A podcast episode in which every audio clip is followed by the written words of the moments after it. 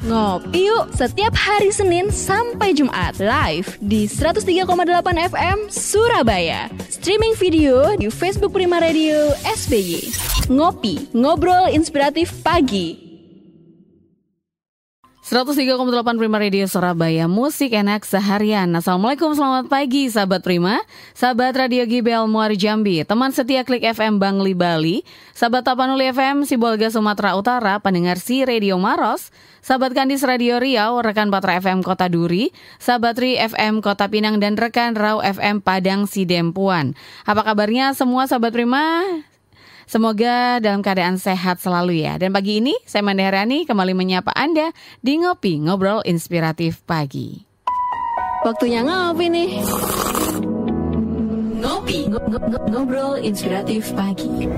With radio partners, Rau FM Padang Sidempuan, Si Radio Maros, Tapanuli FM Sibolga, Klik FM Bangli Bali, Tri FM Kota Pinang, Kandis Radio, Patra FM Riau, dan Radio Gibel FM Muaro Jambi.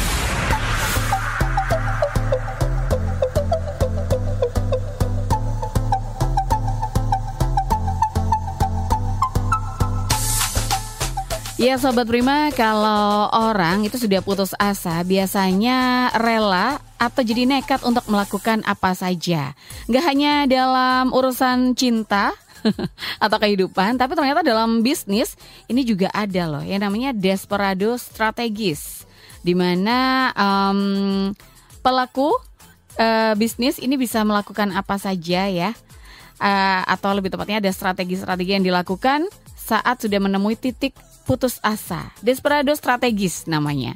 Apakah itu lebih tepatnya kita pasti akan dijelaskan ya oleh pakarnya yaitu pagi ini kembali bersama Bapak Roni Mustamu, Direktur dari Quadran Consulting. Langsung saja kita sapa. Selamat pagi Pak Roni.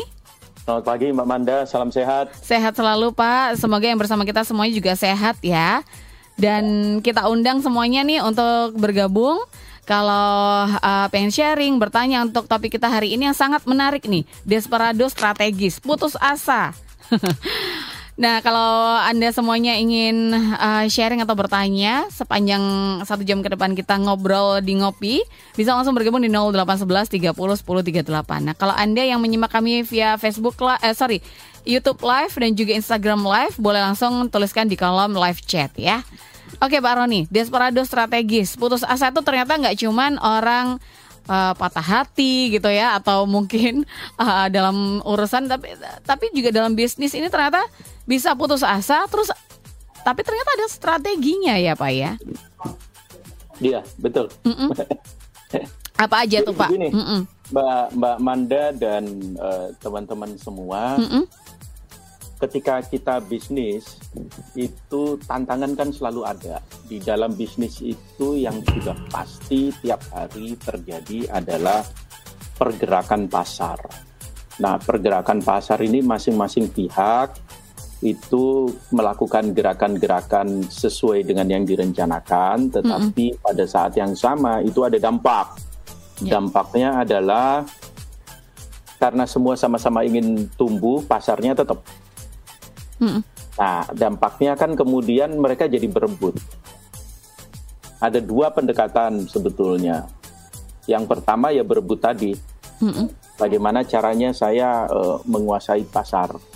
Yang kedua itu tidak mudah, membutuhkan kesadaran bersama, yaitu membesarkan pasarnya, mm. membesarkan kuenya. Tidak banyak industri yang mau sepakat tumbuh bersama seperti itu saya lihat sekarang di sektor pariwisata misalnya mereka berusaha tumbuh bersama mm -mm. sehingga uh, nanti diharapkan pasar pariwisata misalnya jadi besar. Mm -mm. Radio itu salah satu contoh teman-teman mm. praktisi radio itu berusaha untuk bekerja bersama-sama supaya industri radio itu membesar. Bersinergi kembali, gitu ya. Dalam tanda kutip kembali uh, seperti mm -mm. yang dulu. Nah, yang kedua ini tidak mudah. Yang paling mudah itu selalu adalah saya mau saya membesar. Hmm. Nah, menjadi sangat ego ya, ego dari sisi perusahaan. Nah, satu saat pasar itu akan mengalami yang namanya pasar jenuh. Hmm. Apa itu pasar jenuh? Ketika pasar itu semua relatif sudah terpenuhi.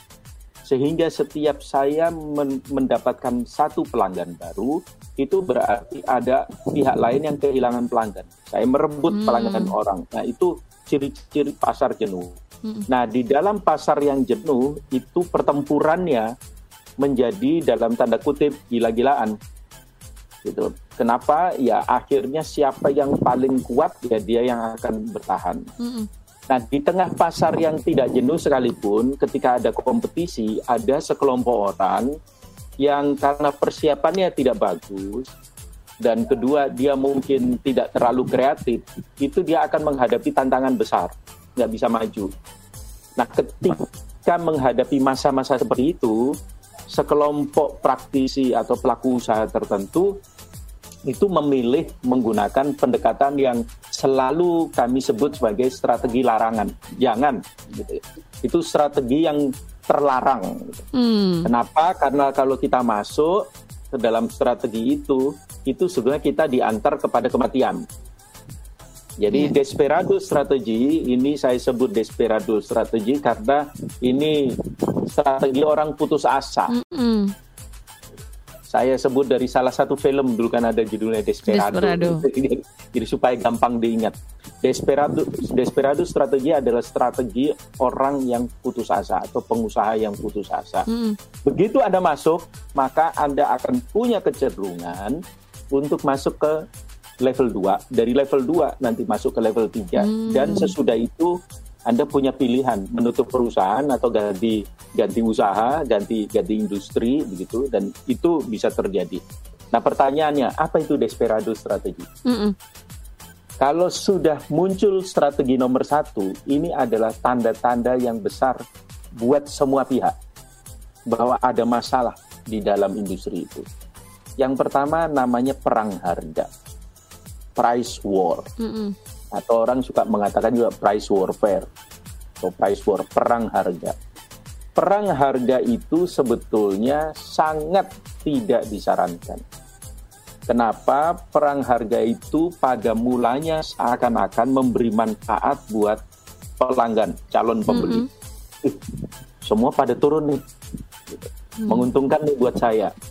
Tetapi perang harga sebetulnya bisa menghadirkan ketidakrasionalan sebuah industri. Nah, kalau tidak rasional, yang dirugikan itu adalah pelanggan sendiri. Saya beri satu contoh. Pernah ada satu proses di Indonesia ini kita hitung. Penerbangan dari Surabaya, pener, penerbangan itu di Indonesia itu ada tiga jenis Hmm. Ada satu masa kita identifikasi tiga jenis. Tiga jenis yang pertama begini, pasarnya padat, kita dapat keuntungannya tipis, tapi volumenya tinggi. Contoh hmm. adalah jalur Surabaya-Jakarta. Yang kedua adalah pasarnya nggak seberapa padat, kita bisa dapat keuntungan yang lumayan deh, begitu. Misalnya eh, katakanlah Bali Kupang, nggak seberapa padat, tapi dapat keuntungan lumayan. Nah yang ketiga, ini tidak padat, tetapi no other choice. Anda kalau tidak dengan maskapai ini, Anda nggak bisa terbang. Maka perusahaan itu bisa mengambil keuntungan yang sangat besar. Saya beri satu contoh. Tadi karena Bali Kupang, saya sekarang sebut Kupang Flores, Bajawa. Begitu. Surabaya Kupang itu kalau dibanding dengan Kupang Kupang kan di Pulau Timur, terus Kupang ke Flores itu kan jaraknya deketan Kupang Flores ya. Harganya hampir dua kali lipat. Hmm. E, Surabaya Balikpapan dibanding dengan Balikpapan Tarakan misalnya, hmm. itu kan masih lebih jauh Surabaya Balikpapan, hmm. tapi Balikpapan Tarakan harganya jauh lebih mahal itu pesawat saat itu. Nah itu yang masuk kelompok ketiga. Jadi jumlah penumpangnya tidak banyak, tetapi karena nggak ada pilihan yang lebih baik, mm-hmm. maka mau nggak mau ambil sehingga bisa dapat margin yang besar. Yeah. Jadi pada suatu saat di Indonesia ada model tiga seperti ini. Nah khusus Surabaya Jakarta ada satu tahun yang waktu itu kami hitung lebih kurang ya normal-normalnya 500 ribu tiket. Tetapi kan ada perang harga suatu saat sampai nilainya jauh di bawah 500 ribu sampai 350 ribu sudah bisa dapat tiket ke Jakarta Gitu kan. Pernah terjadi harga tiket pesawat lebih murah dari harga tiket kereta api untuk jalur Surabaya Jakarta. Nah itu kan berarti ada tanda-tanda perang harga. Dan memang kemudian ada dampaknya. Salah satu maskapai yang baru berdiri dua tahun tutup juga. Begitu pada tahun kedua saya ingat saya dia tutup. Pertanyaannya kenapa begitu? Sederhana. Dulu kami identifikasi dari 100% komponen biaya untuk sebuah penerbangan itu 5 per 5 komponen itu membentuk 70% harga. Eh maaf, membentuk 70% biaya. Maka ketika kita memberi diskon lebih dari 30%, berarti salah satu dari lima ini akan tersentuh. Nah, pertanyaannya mana yang tersentuh? Apakah harga bahan bakar pada saat itu harga bahan bakar nggak pernah nggak pernah turun, malah naik terus. Kedua, apakah gaji atau biaya air crew, pilot dan pramugari ya, eh, cabin crew, enggak, mereka gajinya naik terus. Apakah ground crew yang handle di bawah, enggak juga, mereka gajinya naik terus. Peluangnya yang diambil kan biaya maintenance. Yang komponennya cukup besar pada saat itu. Nah, kalau biaya maintenance-nya yang diambil apa yang terjadi? ya perusahaan pesawat kemudian delay karena ada hmm. uh, gangguan teknis bahkan ada yang kemudian kecelakaan. Nah hal-hal yang seperti ini berisiko buat calon uh, pelanggan, calon pembeli karena ketika sebuah perang harga itu melebihi kewajaran, maka harus ada biaya yang dipotong. Persoalannya yang dipotong biaya yang mana? Nah, yang paling bahaya adalah contoh kalau jasa seperti transportasi, biaya maintenance kalau dipotong risiko sekali. Kalau yang dipotong biaya manusianya juga ada risiko. Orang menjadi jengkel, kelelahan, servisnya tidak menjadi lebih bagus dibanding sebelumnya. Jadi ujung akhirnya pernah kejadian di Surabaya bahkan itu suatu saat ada pesawat delay lebih dari enam jam semua penumpangnya marah tetapi nggak tahu mau marah ke mana, kepada siapa. Karena semua stafnya hilang. Tiba-tiba stafnya hilang. Saya ini juga pernah mengalami maskapai penerbangannya bagus banget di Indonesia. Hmm. Gitu ya. Katanya paling top lah gitu. Saya pergi waktu itu ada jalur Surabaya ke Makassar. Tapi saya kaget, saya tiketnya pakai pesawat yang ini tapi diberangkatkan pakai uh, pesawat anak usahanya dia, hmm. gitu ya, yang low cost carrier. Hmm. Sampai di sana penumpang pada marah, lu kok bisa? Dicari ini, nggak ada petugasnya. Ya saya enteng saja gitu kan. Saya tungguin nih, saya mau nih pimpinannya ada. Terus katanya Pak, saya nggak tahu. Uh, tiba-tiba kok kami tunggu penumpang kami, kok Bapak datang dengan pesawat lain. Saya bilang, saya nggak tahu, itu kan urusan perusahaan Anda. Tapi begini, saya membayar tiket ini harganya dua kali lipat daripada yang LCC ini, mm-hmm. yang low cost carrier. Jadi kalau anda mau ambil untung, jangan begitu caranya. Kembali ini sisanya. Saya jangan bilang begitu kan. Jadi dia bulat saya bilang, ini saya kebetulan waktu itu saya punya kenalan begitu ya. Saya bilang, nah ini saya saya siapin ini di handphone ini. Bapak yang telepon atau saya yang telepon? Ini VP Anda Vice Presiden Anda. Bapak yang telepon apa saya yang telepon? Ini tinggal tekan kok tombolnya. Saya langsung bilang begitu. Jadi langsung sama dia dikeluarin uh, duitnya.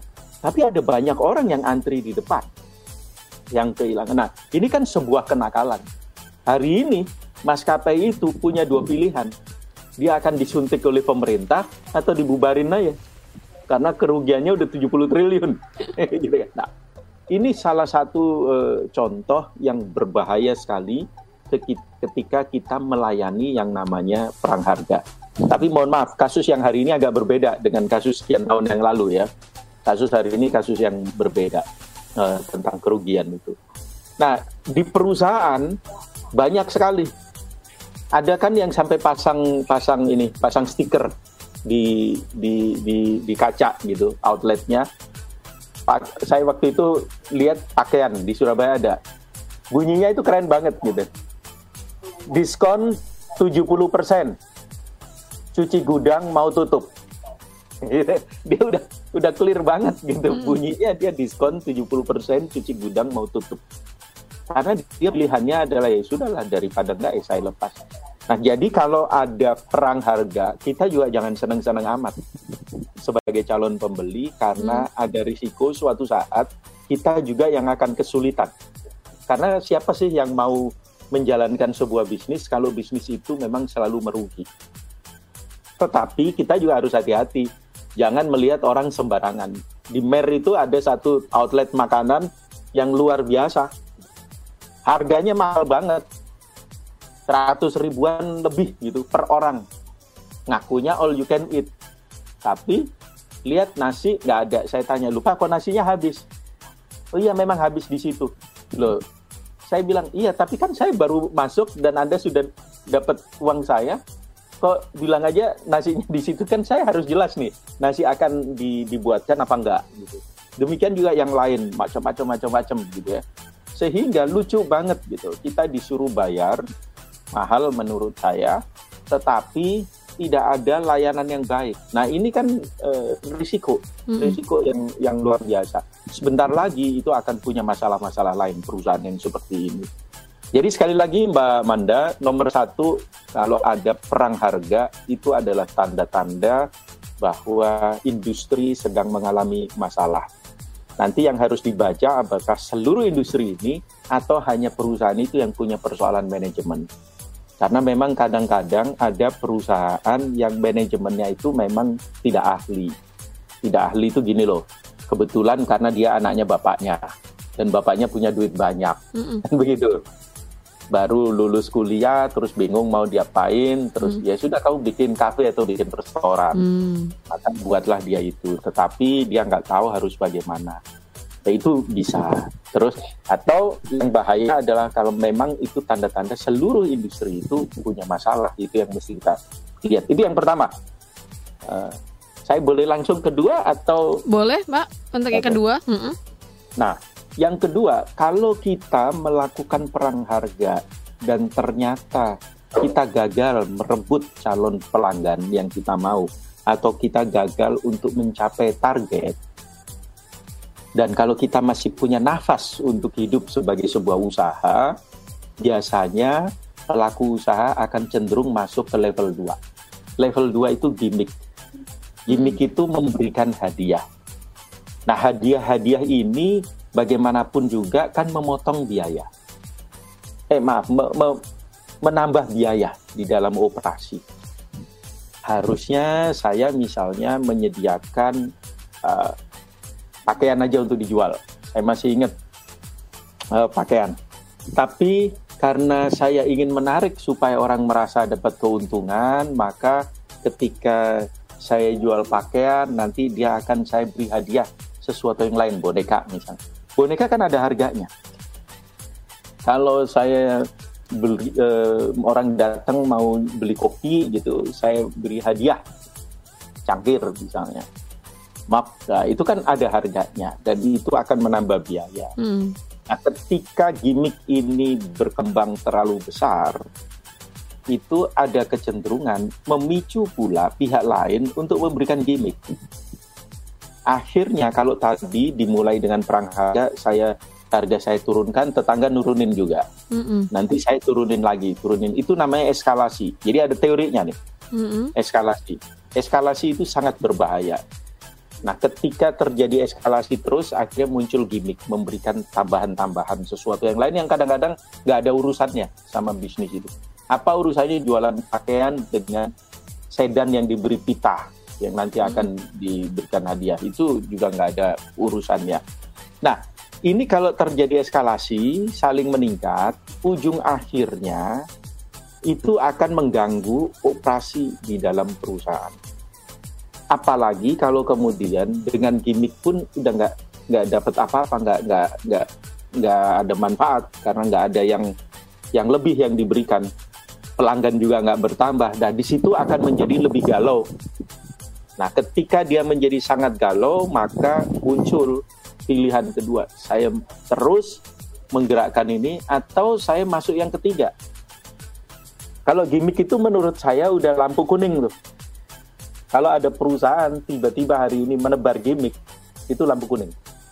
Kecuali satu catatan ya, kecuali gimmick itu digunakan sekedar untuk memberikan perhatian atau untuk menarik perhatian. Contoh, karena mau ulang tahun, dalam satu minggu ini siapa pun yang beli akan kami beri hadiah istimewa. Nah itu boleh.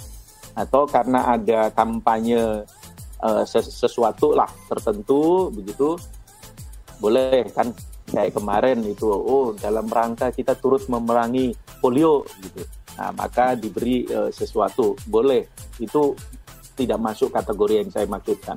Tetapi ketika gimmick itu diberikan rutin sebagai sebuah hadiah nah itu menjadi sangat berbahaya.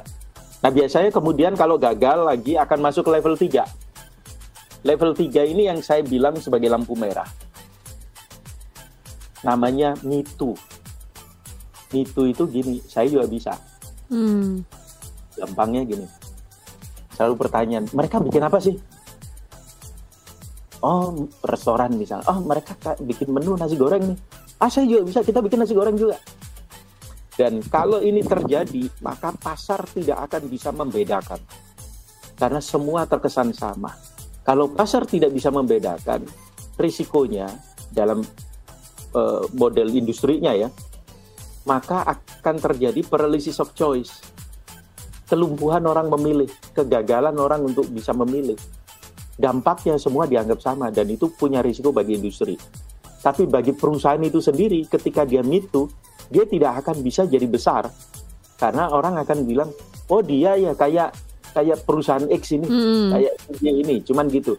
Paling tinggi dia jadi number one follower, itu pun kalau dia survive. Tapi jangan lupa biasanya Mitu itu bermainnya di volume. Ya harus generate volume yang besar. Karena Mitu itu punya kecenderungan bermain pada margin yang sangat tipis. Hmm. Nah, kalau mereka gagal untuk kemudian memperoleh volume yang cukup, pilihannya tinggal dua. Pindah industrinya atau dia tutup. Jadi misalnya saya jualan kertas terus saya ganti jadi jualan plastik aja deh. Eh, itu kan bisa cari sesuatu yang lain hmm. gitu. Atau saya dari kafe, nah, kayak dulu ini factory paling saya paling saya ingat di Surabaya itu factory outlet. Hmm. Factory outlet itu dulu ada satu tahun, kemudian terus berubah jadi kafe. Hmm. jadi jadi resto.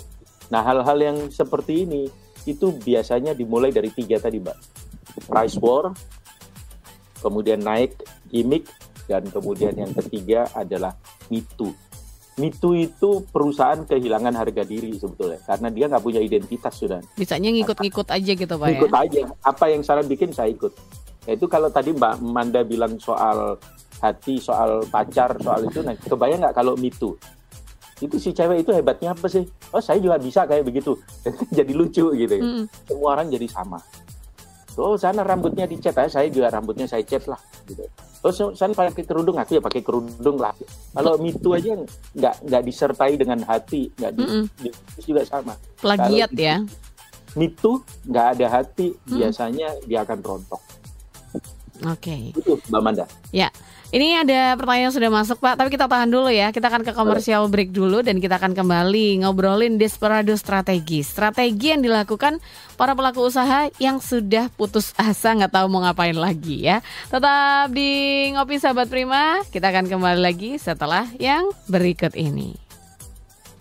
103,8 Yuk setiap hari Senin sampai Jumat live di 103,8 FM Surabaya. Streaming video di Facebook Prima Radio SBY Ngopi, ngobrol inspiratif pagi